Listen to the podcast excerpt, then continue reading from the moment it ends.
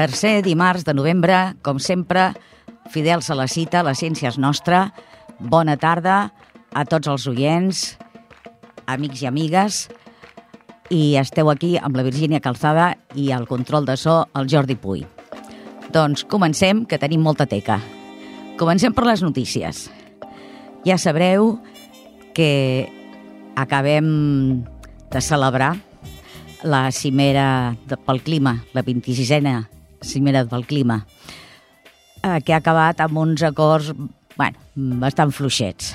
Eh, potser la cosa més fonamental és que a partir d'ara França, Grenlàndia, Irlanda, el Quebec, Suècia i Gales diuen que es comprometen a reduir de manera immediata la seva producció de combustibles fòssils i paral·lelament també prometen posar fi a tots els nous projectes d'extracció de petroli i gas.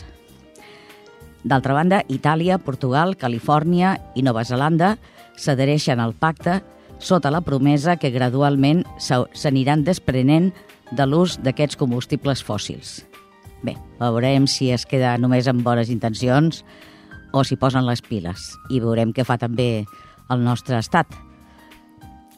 Una de bona, aquesta sí. Detecció precoç de l'Alzheimer. Doncs una recerca internacional en què han participat eh, investigadors del centre de la Fundació Pasqual Maragall, amb altra gent, han identificat a la sang un biomarcador que permet detectar de manera molt precisa les fases inicials de la malaltia d'Alzheimer. Això vol dir que en un futur no gaire llunyà esperem que només amb una anàlisi de sang ja podem saber si una persona mm, està a punt de tenir Alzheimer abans de tenir símptomes i es pot tractar de manera precoç. Parlem d'astronomia, d'un projecte molt divertit que es diu Que dos ojos, que vol dir K2 Ojímetro Survey. És un projecte que s'ha fet a la Universitat d'Oviedo entre astrònoms professionals d'allà i un grup d'astrònoms aficionats. I ens ha permès eh, trobar una sèrie de planetes fora del sistema solar, o sigui, exoplanetes. I com s'ho han fet? Doncs a base d'analitzar les corbes de llum eh, que els ha proporcionat el telescopi Kepler. Mm? Això porta molta feina i ho han fet a ull, per això d'ojímetro. Bé, els astrònoms professionals els han dit com ho havien de fer i els aficionats han fet la part més, més pesada d'anar analitzant totes aquestes dades, però mm, és un projecte maco i es veu la col·laboració que pot haver-hi entre aficionats i professionals que realment funciona. Doncs bé, tirem de l'agenda, que tenim coses molt a propet. Això del canvi climàtic, si us interessa, sapigueu que hi ha una activitat online que és dijous vinent.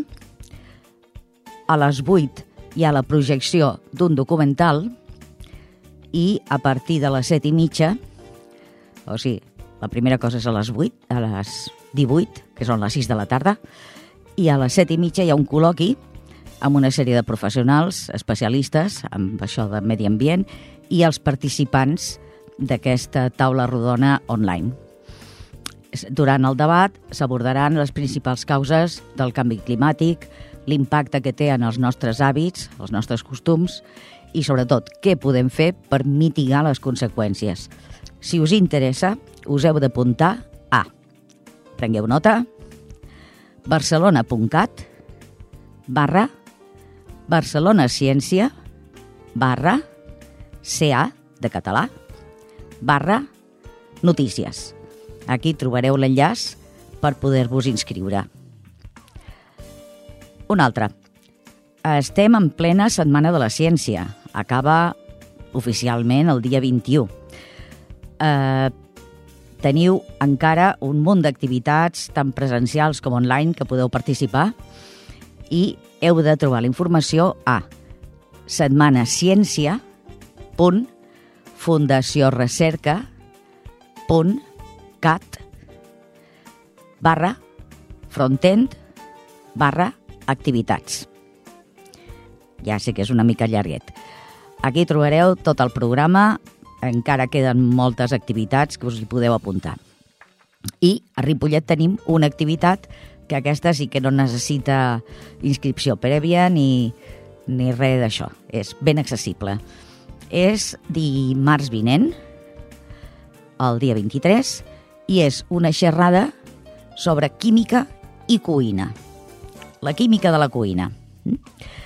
Uh, serà una xerrada participativa, amb experiments, i serà ben segur, divertida, amena, tant com jo pugui, perquè sóc la responsable de, de l'invent.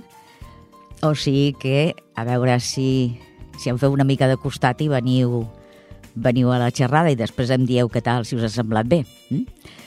Dimarts vinent, dia 23, a les 6 de la tarda, al Centre Cultural de Ripollet.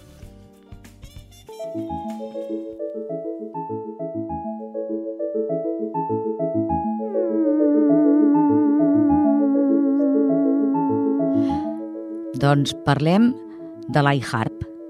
Oi que aquesta música no sabeu identificar l'instrument? Doncs ara en parlarem. L'iHarp és un projecte que m'agrada molt perquè és, fa possible una cosa que sembla increïble, que és poder fer música només amb la mirada. Sentim el seu creador, el Zacarías Bambacusis. Tenemos al teléfono en llamada internacional desde Grecia a Zacarías Bambacusis, Buenos días, Zacarías. Buenos días, hola. Soy un informático y músico y soy el creador del iHeart, el eh, primer instrumento musical que se toca a través de la mirada y permite a personas con discapacidad, con tetraplegia, tocar música a través de la mirada por primera vez. El iHeart es un proyecto que eh, nació en Barcelona cuando yo estaba haciendo mis eh, estudios de máster y luego doctorado en tecnología musical y luego un doctorado en, con tema instrumentos musicales eh, digitales accesibles.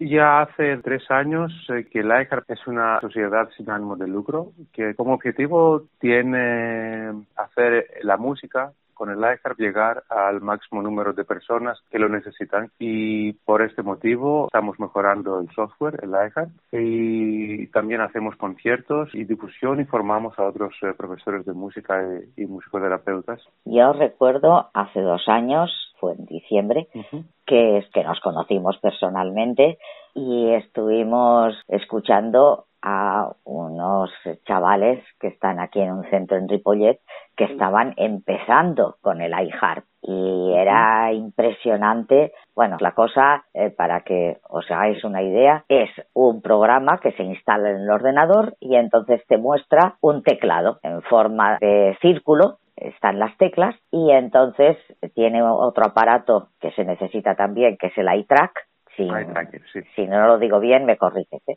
Y entonces el eye track puede detectar dónde fijas la mirada en la pantalla. Entonces, con el programa y el, y el aparato este, el eye track, uno puede fijar la mirada en las teclas y con ello puede tocar una melodía. Y realmente, pues bueno, es impresionante ver cómo personas que no pueden controlar su, su cuerpo, pues porque tienen, por ejemplo, pues eso, eh, espasmos que se mueven sin querer, o gente que es tetrapléjica, que no puede mover el cuerpo de, de, cuello para abajo, o muchos otros tipos, a lo mejor supongo ELA también, pues pueden a través de esto expresarse. Lo que yo no sé, yo los vi tocando piezas que estaban introducidas en el programa, porque eh, era para aprender.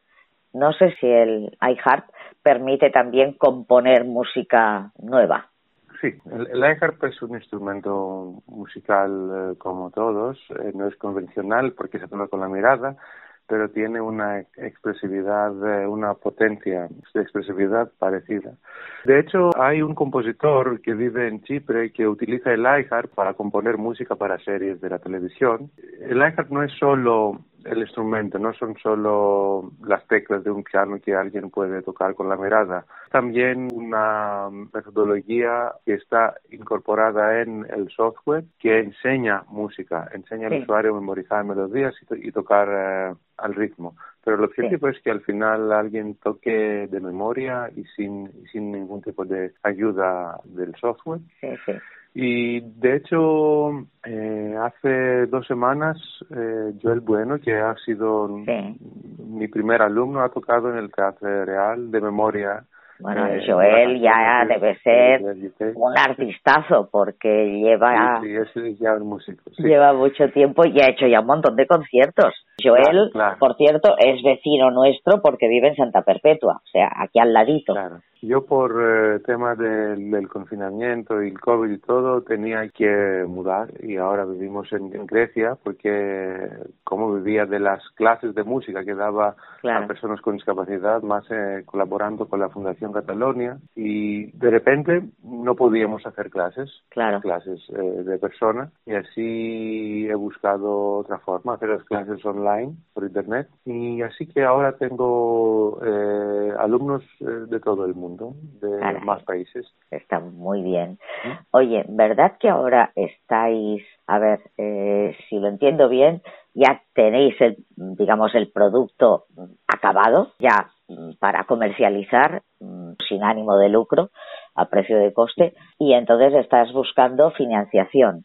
Sí, estamos buscando financiación porque el software eh, se necesita mm, mejorar aún más porque Ahora es el momento para llegar al próximo paso, que es que otros eh, músicos y musicoterapeutas lo utilicen para ensayar música a personas con discapacidad y como no todos son informáticos o no saben bien los ordenadores, tenemos que trabajar poco lo que llamamos experiencia de usuario, eh, hacerlo más fácil de, utilizar y para este motivo hacemos una campaña de crowdfunding y pedimos ayuda económica de toda la gente que cree que la música es una vía que puede mejorar la calidad de la vida de las personas con discapacidad. Hombre, realmente yo creo que sí, pues una actividad creativa, vamos, que te permite estar con otra gente hacer música, la sensación de hacer música con un grupo de personas con distintas capacidades, eh, eh, todos juntos y que eso suene bien, es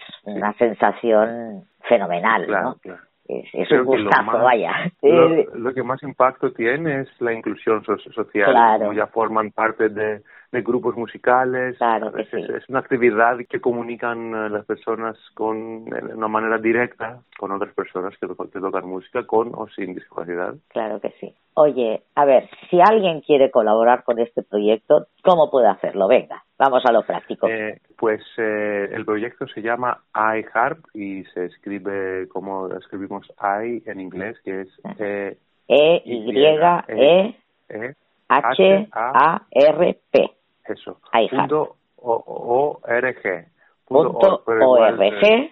Y Muy esta es nuestra página web. Y a, partir de allí alguien nos puede seguir un enlace para participar, para colaborar en nuestra campaña de, de financiación. iHarp, E, Y, E, H, A, R, P, punto com, punto org, org. Y ahí tenéis el enlace para poder colaborar con este crowdfunding y el crowdfunding lo hacemos en la plataforma de Goteo, que es una plataforma para proyectos sociales, como es eh, el, el, iHeart. Entonces, igual en Google, iHeart, Goteo, eh, va a salir. Magnífico. También en nuestra página Facebook. También tenéis eh, Facebook. iHeart, sí, Instagram, lo que sea. Pues nada, ahora ya solo queda que muchísima gente colabore. Yo creo que, que toda la gente que le gusta la música eh, tiene que, poder interesarse por este proyecto porque es mm, poner la música al alcance de muchísimas personas que hasta ahora pues no, no podían materialmente no podían tocar ningún tipo de instrumento. Y realmente bueno tenéis por ahí en internet por 20.000 sitios en la misma página de iHeart supongo y en la de, de Facebook tenéis ejemplos de conciertos y realmente pues es bueno es, es una maravilla vamos. Y las capacidades que puede llegar a tener en ojos de una persona que ya es música hoy y que mm, tiene posibilidades de componer y todo esto, eh, pues eh, claro, ya tiene un teclado con más complicaciones, digamos, para poderle dar matices. Es viene a ser como, como un órgano virtual, digamos, un órgano en pantalla. Y entonces puedes darle diferentes sonidos, forte, piano, un montón de, de, de cosas diferentes, de expresividad. y lo importante es que ofrece la posibilidad a sobre 50 millones de personas en todo el mundo poder tocar música por primera vez en la historia. Esto es, esto es el objetivo. El, la tecnología existe, ahora tenemos que hacerla conocida a estas personas que lo pues necesitan. Pues nada, pues os invito a todos a entrar en, en la página aijar.org o .com eh, escuchar, escuchar los vídeos, ver los vídeos, colaborar con el crowdfunding. Y bueno, pues oye, eh, muchísimo éxito, que ya habéis tenido un montón de premios, que yo lo sé. Sí, claro. El último ha sido hace dos semanas, semanas de la Fundación ASECO. En Imagínate. Y más que tendréis seguro. Y, sobre todo el placer de, de ver que que el proyecto se extiende y más gente va participando y yo creo que es lo más importante y ahora pues eso profesores de música que se animen también a aprender eh, a, usar el iHeart para poder tener alumnos eh, con este tipo de, discapacidades y creo que si veis los vídeos y el, eh, los que nos escuchan ven los vídeos de, los alumnos y músicos tocando, es que se van a sorprender por, por el nivel, eh, por el alto nivel que, que tocan los músicos que, que se puede tocar eh, música bastante complicada, música clásica, jazz, todo, que no, no hay limitaciones. Eh, Zacarías, muchísimas gracias, de verdad, gracias. todos los éxitos y bueno, hasta la próxima. Seguiremos informando del proyecto. Muchísimas gracias. Muchas gracias, Virginia. Passem a un altre tema, una qüestió que a moltes dones, a partir de l'estiu, quan s'han començat a vacunar, dones joves, els ha amoïnat força i que encara cueja. És la qüestió dels canvis eh, a la menstruació eh, en posar-se la vacuna de la Covid. No se sap encara si té relació o no en té, però mm, parlem amb el doctor Josep Perelló, que és ginecòleg de l'Hospital de Sant Pau i, a més, és vicepresident de la Societat Catalana de Contracepció i ell ens explica eh, com està aquesta qüestió. Estem amb el doctor Perelló, eh, que per parlar d'aquests problemes que ens va donar eh, les dones fèrtils a les vacunes de la Covid. Bon dia, doctor. Bon dia. Ens va donar i al igual ens està donant, no sabem, no? I, bueno, i potser sí, eh, sí. Eh, vaja, tu ets ginecòleg, eh, tens més experiència, evidentment, més que jo, eh, de, de les teves pacients que, que t'han explicat i, i com ha evolucionat això. Uh -huh. Bueno, eh, com tu bé dius, no? la, la vacunació contra la Covid pot donar, i dic pot donar, alteracions en el que seria el patró de sagnat no? eh, que té una determinada pacient, no? una determinada dona. És cert que nosaltres, de moment, és una hipòtesi. Hi ha moltes dones que després de la vacunació refereixen que hi ha hagut un canvi en el sagnat menstrual, sí. en el seu cicle habitual, però és una percepció que nosaltres tenim que a dia d'avui no està demostrada en cap estudi.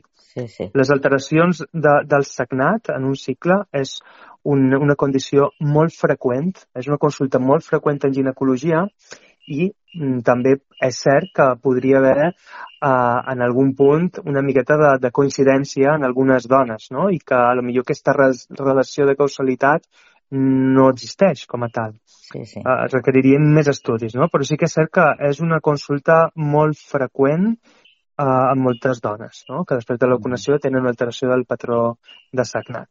Sí. I, o sigui, em ens pots explicar eh, si hi ha estudis en marxa per veure si realment mm. eh, doncs, hi ha una relació entre les dues coses o... Sí que existeixen estudis en marxa. Mm. Uh, a dia d'avui no existeixen, com he comentat, dades publicades.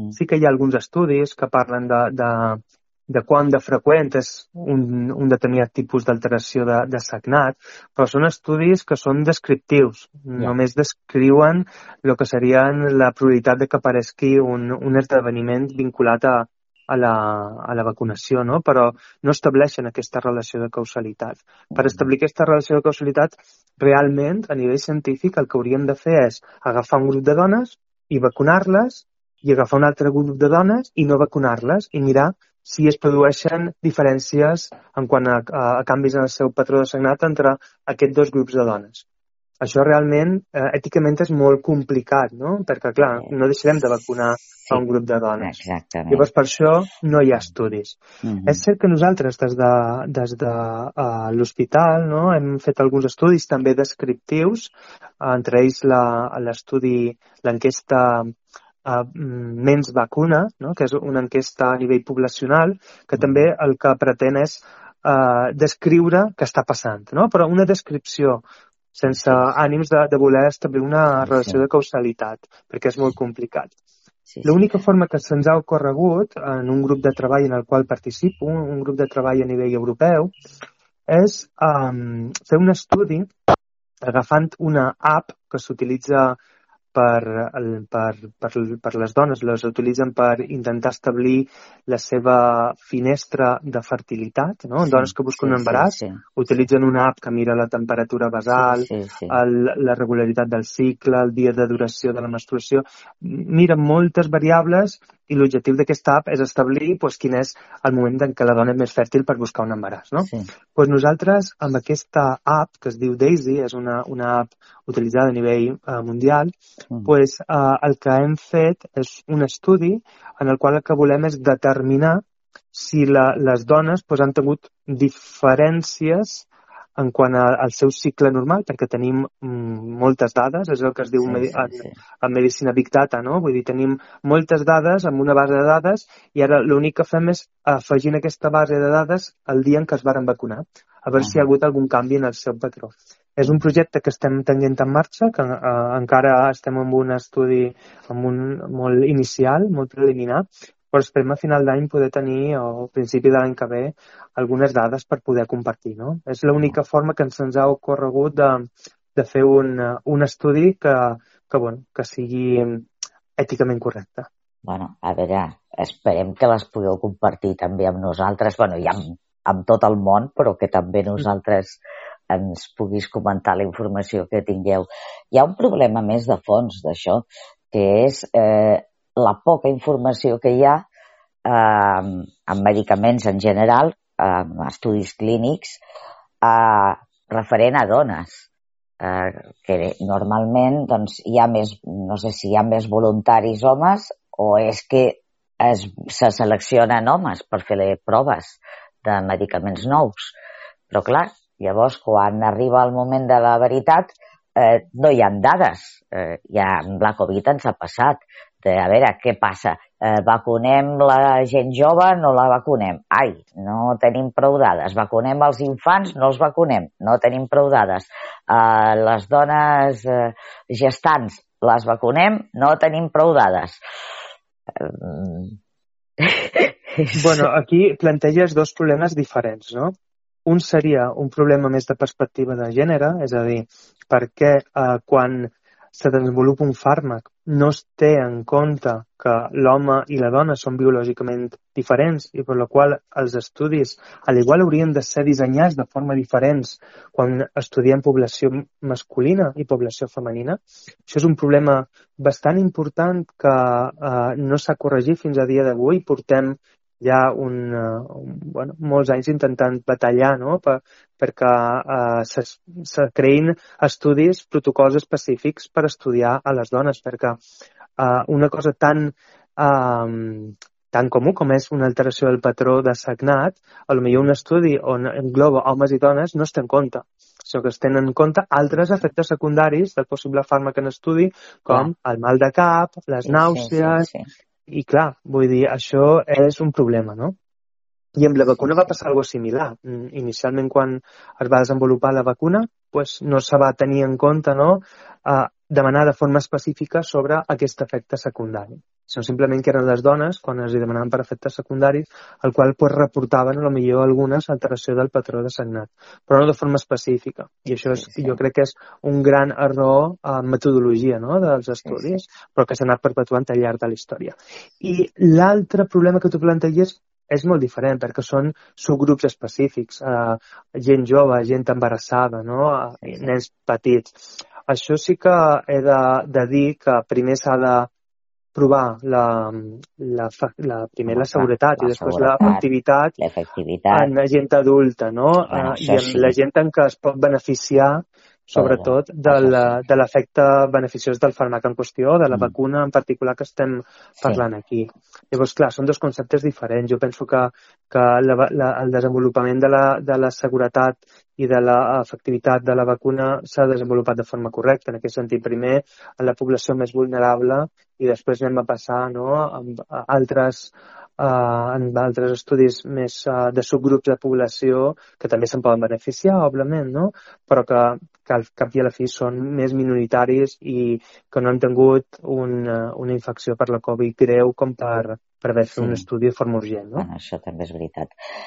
Uh, escolta, finalment, a veure, com a dones, què podem fer nosaltres, o sigui, com a particulars, com a pacients, eh, de quina manera podem no sé, col·laborar. Jo penso que, que diguem que, que el més essencial és que si una té algun problema, no sé, alguna cosa que es desvia de la, de la normalitat, és comunicar-ho, perquè si no arriba als metges, mm, doncs això queda sense registrar, no?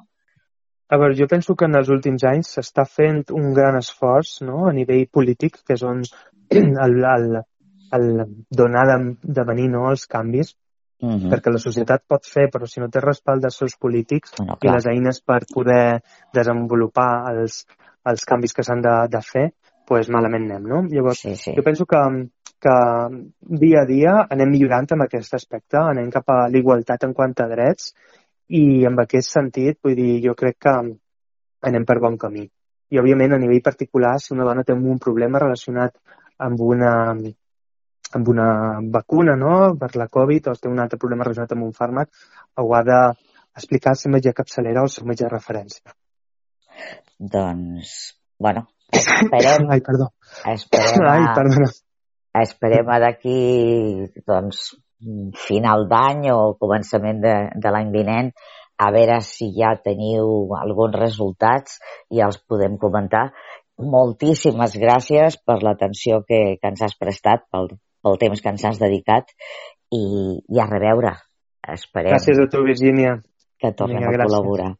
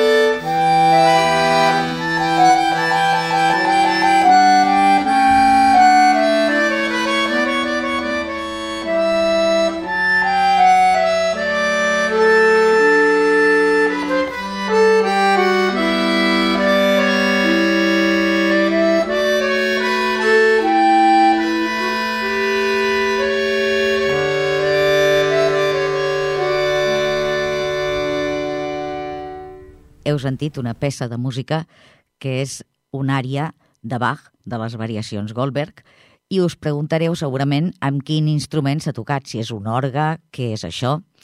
Doncs bé, ara a continuació ho expliquem.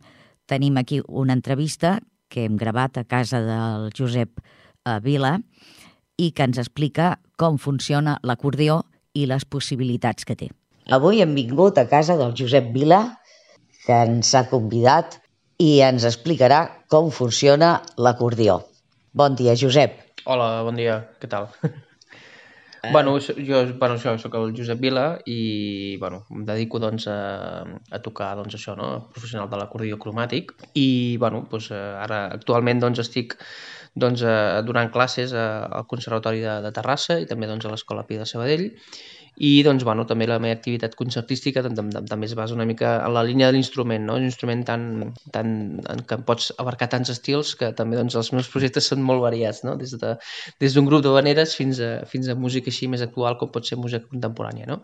Llavors tinc, tinc també una, una, una pàgina web que és eh, josepguiovila.com, que allà podeu doncs, també doncs, veure una mica els projectes en, en els quals estic i ara actualment doncs, bueno, ja estic a tres, fent tres produccions que són, són força importants i que una d'elles doncs, eh, d'aquí molt poc, que és el 13 de novembre i que es titula Mozart Reload i combina una mica la, la part més clàssica del que seria, no? tots coneixem aquest compositor que és Mozart, amb una part més, més contemporània, amb un estil així més, més... perquè clar, tothom es pregunta, ostres, l'acordió acordió, Mozart acordió és com, com, perdó. Llavors, bueno, hi ha aquesta part més, més creativa, no? que és a través del compositor Joan Vallès, que ha fet doncs, una mica aquesta part doncs, més, més diferent. I això s'estrena el 13 de novembre a l'Auditori Felip Padell de Tortosa. Hem d'anar fins a Tortosa per això, home. Bueno. Ho gravareu. Vols que no puguem anar-hi? Sí, sí, sí, sí, sí, bueno. tant, es gravarà i es posarà, i es posarà a xarxes i, i, i evidentment es publicitarà tot, sí, sí, i tant. I esperem que, que també doncs, ens acullin a altres llocs, perquè és un projecte bastant, bastant potent que, que aglutina molts, molts artistes i, i la veritat és que, bueno, doncs això, content de poder-hi ser. doncs molt bé. Bé, jo el Josep el vaig conèixer, com molts d'altres, a la festa major d'aquí de Ripollet, amb el grup de Vaneres, amb el grup Xató, però després va haver-hi un moment que ens va tocar una peça ell tot sol, que jo vaig quedar al·lucinant pepinillos perquè era impressionant. Jo no em pensava que amb un acordió es poguessin fer aquestes meravelles, com això de tocar Mozart, que dius, bueno, no ens en sabem a venir. Uh, Josep, ens explicaries com funciona l'acordió per dintre, la part que no veiem? Sí, bueno, l'acordió és bàsicament doncs, bueno, eh, per la part doncs, interna, té unes, unes llengüetes metàl·liques rectangulars i que es diuen llengüetes lliures. Llavors la paraula lliure vol dir que està fixada només per un extrem que, que el, el que fa és que quan passa l'aire després accionem dins la part més important, no? els pulmons de l'acordió que seria la manxa, doncs eh, fa que la, que la llengüeta vibri i es produeixi una freqüència determinada, depèn doncs, de la mida de la llengüeta i per tant doncs, el, el so. No? Llavors hi ha una diferència important amb el que seria l'acordió diatònic i l'acordió cromàtic, no? perquè quan parlem d'acordió podem pensar en acordió diatònic també, no? que és aquest instrument més, més, més petit que, que es fa servir doncs, a, quan, més, més l'estil de música tradicional no? i aquestes trobades que estan més al, al Pirineu i tal, que és un instrument en, què la diferència amb l'acordió cromàtic, la, la principal diferència és que quan, quan tu obres o tanques la manxa sonen notes diferents en el cas de l'acordió diatònic. No? En el cas de l'acordió cromàtic, el tenir dues llengüetes, una per obrir, una per tancar, de la mateixa mida, fa que soni la mateixa nota quan obres i quan tanques. Mm -hmm. sí. Això ve a ser com un orgue portàtil. Eh, si fa, no fa o el podem comparar amb una flauta de pan també, que té els tubets, que cada tubet fa una nota. És una mena de cosa semblant, només que per fora té les tecles mm. que fan que, que l'aire passi per un lloc o per l'altre, no? Sí, el recorregut seria aquest, no? És a dir, els botons que tenim doncs, tant a la, al manual dret com al manual a l'esquerra obren com la porta, no? obren la porta perquè doncs, quan acciones doncs, la, la manxa, no? doncs, eh, passi l'aire passi per dintre doncs, aquests somiers on descansen diguem, les diferents llengüetes i, i evidentment doncs, les, faci, les faci vibrar. Si jo, si jo toco el botó, no? ara això és el soroll del botó, però la manxa la tinc tancada, no, no acciono, no, no, hi, ha, no, hi ha, no hi ha so. No hi ha Passa aire i no sona res. Eh, I després jo veig, o sigui, aquest acordió que tenim aquí, que vosaltres no el veieu, però us el descric, eh, té a un costat i a l'altre té tot de botons. eh, que no són com aquells que tenen tecles com les tecles d'un piano. Això ens ho expliques una mica? Sí, l'acordió és un instrument, doncs, doncs eh, diguem que, que està, és, és poc conegut, però també és veritat que en, en poc temps ha, ha evolucionat molt, seria una mica la, la, la història, perquè si pensem que el primer, el primer acordió que es va patentar és l'any 1829, vale? dius, home, fa anys, evidentment, però si pensem en un altre instrument, fa, és, és relativament jove, no?, aquest, sí, aquest instrument. Sí, Llavors, el primer acordió, aquest que es va patentar l'any 1829, estem parlant d'un acordió que tenia cinc tecles al manual dret i, i cinc botons al manual esquerre. Llavors, podia fer molt poca cosa comparat amb actualment el, el que coneixem. Llavors, en tots aquests anys hi ha hagut molta evolució. No? Una d'elles, el que em preguntaves, és el sistema de, de botons a la, a, la, a la mà dreta. No?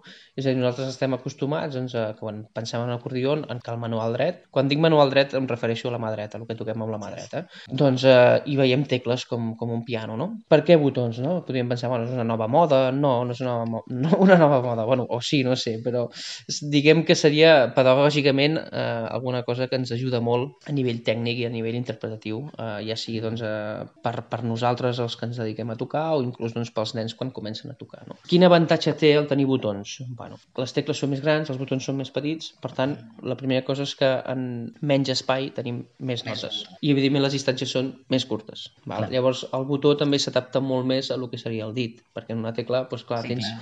molts llocs per, per tocar dintre del que és la tecla, no? Sí, sí. Llavors, això ens, ens beneficia, no? A part de que el, la disposició de notes és igual, és un efecte mirall, que tenim amb la mà esquerra, amb un sistema que no es coneix, no?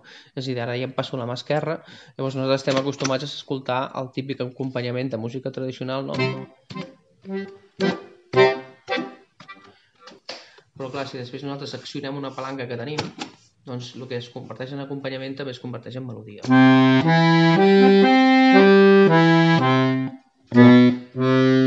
Llavors, això és la mà esquerra. Això és la mà esquerra. Si ara llavors... fas una altra cosa amb la mà dreta, és com un piano a dues mans.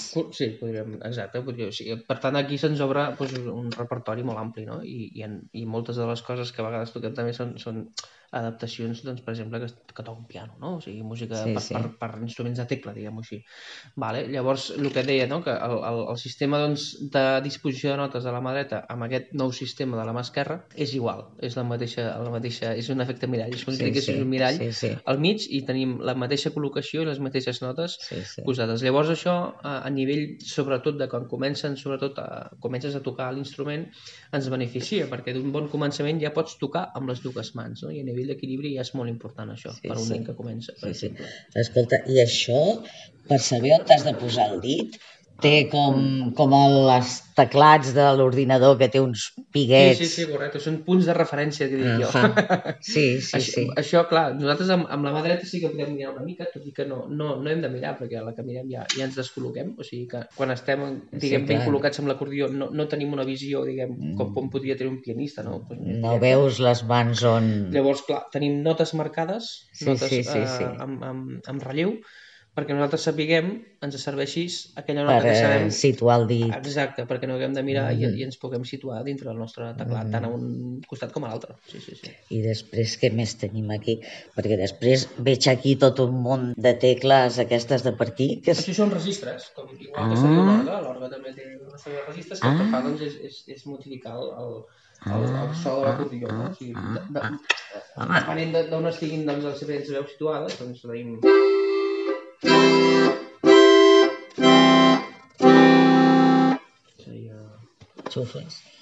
Bueno, és, és un orgue, és un orgue. Sí, sí, sí, o sigui, pot fer moltes més coses que un, que un piano. Eh, un piano no té tot això, té, té els pedals però no té, mm, no té aquestes diferents sonoritats. Un piano sona... No, cada instrument pot fer... A veure, ah, vai, les clar. possibilitats són, són enormes en tots els instruments, eh? però sí que és veritat però... que una de les coses que, o una de les reflexions que, que a vegades es fa, ostres, és que l'acordió és molt difícil, no? Té molts botons i moltes... És veritat, mm -hmm. i que tens la sensació que estàs fent moltes coses a la vegada i això a vegades és com que provoca aquest, aquesta sensació de que és molt difícil, no? Però bueno, a mi també em sembla molt difícil, per exemple, un instrument de corda fregada, no? Vull dir, afinar molt bé la nota, ser molt, molt, molt sí. tècnic en, en, en, que, en que aquell so sigui, sí, sigui de qualitat, a mi això, sí, sí, o instrument sí, sí. de vent, afinar bé... Tocar amb... el violí... Vull dir, al final, jo penso que tots els instruments tenen el seu punt de, evidentment, de, de, de complicació o de, o de, o de, Sí, tenir que sí, estudiar sí, perquè sí. allò surti. Ja Sí, sí. I després, aquests botonets d'aquí dalt, Així, aquí dalt, doncs, a l'altura, diguem, del mentó, no?, de, de, Sí. de la barbeta, un, són igual, són registres. Però llavors Mm. això el que, el que faig és que, com que jo estic tocant, Sí. no cal que hagi de, de, de de deixar el tit la mà. perquè ho puc canviar amb això. Llavors, a, a, a Ah. mesura que vaig tocant, O sigui, vaig canviant Els toques amb la barbeta. Sí, sí, sí. Ai, el caram, sí, sí, tu, sí, sí, quina sí. cosa. Ostres. Sí. Bueno, Eh. perquè, clar, també és veritat que el repertori, diguem, si s'ha escrit per, per l'instrument, doncs és una cosa que, que, es, que es fa molt, no?, de, de, de posar doncs, els símbols aquests als registres, Sí, sí, perquè sí, inclús sí. a vegades no tenim ni, ni, ni espai per canviar-los, no? Vull Sí, dir que, sí. Per tant, necessitem doncs, de poder doncs, Sí, tenir sí. Aquest, aquest sistema.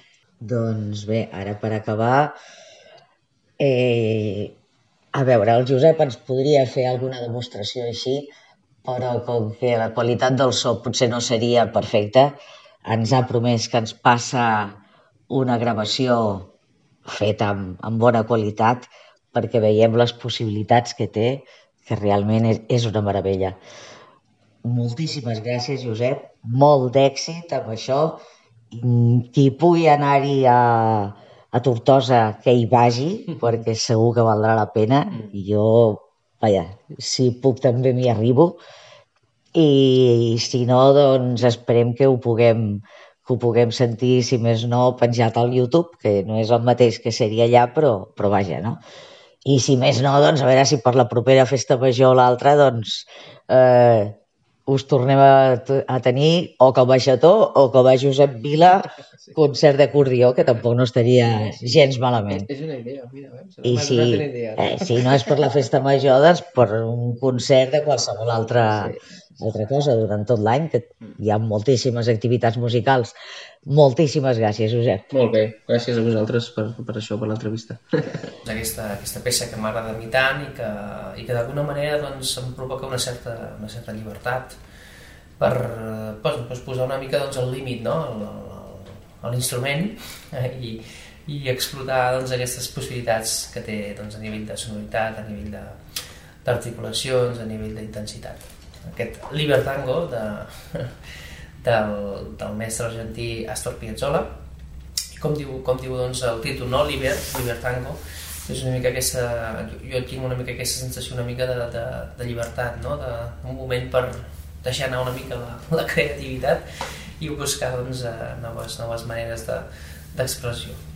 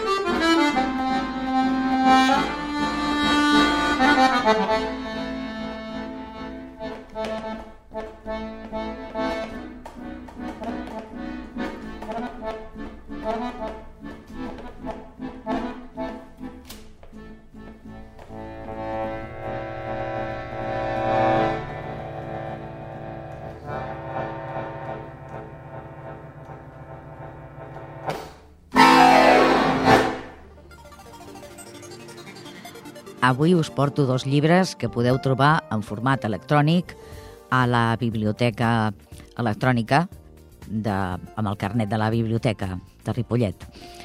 El primer llibre es diu Cuinologia, és en castellà. L'autor és Stuart Farrimont.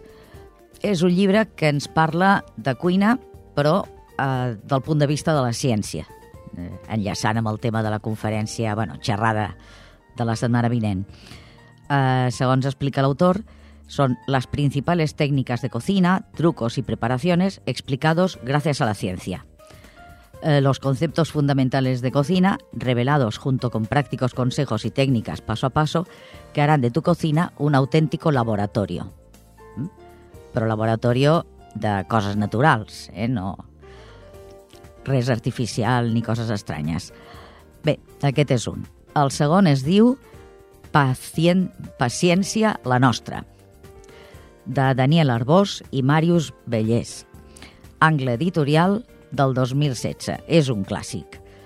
Aquest parell van tenir un programa a la ràdio que també es deia Paciència la nostra i d'aquest programa han fet aquest llibre. Eh, diuen, voleu mostrar-te la ciència que pots trobar a la cuina, al metro o quan reposes tranquil·lament a la tassa del vàter mentre llegeixes. I la nostra intenció és explicar-t'ho amb una mica d'humor. Bé, ja veieu que, que sí, de quin pal va la cosa. Són tots dos molt recomanables i, a més, molt accessibles perquè només els heu de descarregar a qualsevol aparell que tingueu, tablet, mòbil, ordinador, el que vulgueu. Doncs bé, i acabem, com sempre, amb un experiment per fer a casa amb els infants. És molt senzill, però pot donar molt de suc. La cosa va d'emulsions, però és tan simple com això.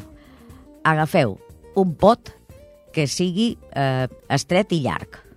Per exemple, un pot d'espècies, buit, d'aquells del súper. Li poseu com dos dits d'aigua i un dit o dos d'oli. El bellugueu una mica i veureu que allò no es barreja. Encara que sembli que de moment es barreja, quan el deixes de remenar es veu que se separen els dos líquids, l'oli i l'aigua tireu una mica de sabó, millor si és sabó de renta vaixelles, però si no, del que tingueu a mà. Eh? Sabó de rentar les mans, millor que sigui líquid, i feu el mateix, barregeu amb compte perquè no es faci escuma, i veureu què passa.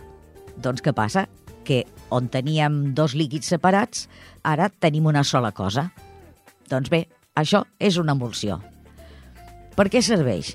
Doncs, per exemple, quan ens rentem les mans o quan rentem els plats, el sabó ens ajuda a arrossegar el greix perquè el barreja, fa una emulsió amb l'aigua i llavors eh, se'n va tot. Quin és un altre exemple d'emulsió? Doncs, per exemple, la maionesa. Si encara feu maionesa a casa, que avui dia la comprem feta, però vaja, la maionesa és ou i oli eh, què fa? Aquí no hi ha sabó. Què fa que l'oli amb l'ou eh, formin aquesta emulsió? Doncs uns components que porta l'ou que fan el que feia abans el sabó. En fan una barreja, però de tal manera que queda tot una sola, una sola cosa, hm? que no es distingeix ja on hi ha l'ou i on hi ha l'oli. Bé, li podeu donar molt més de joc, pares, Aquí la imaginació al poder. Podeu experimentar amb tintes, per exemple, o colorants eh, solubles amb aigua, solubles amb oli, i veure què passa. Us ho deixo a la vostra imaginació. Us espero dimarts vinent, tant com pugueu, a partir de les 6, al Centre Cultural. Gràcies al Jordi Puy per la tècnica, per la paciència, i a reveure fins al mes vinent. Teu maquíssims!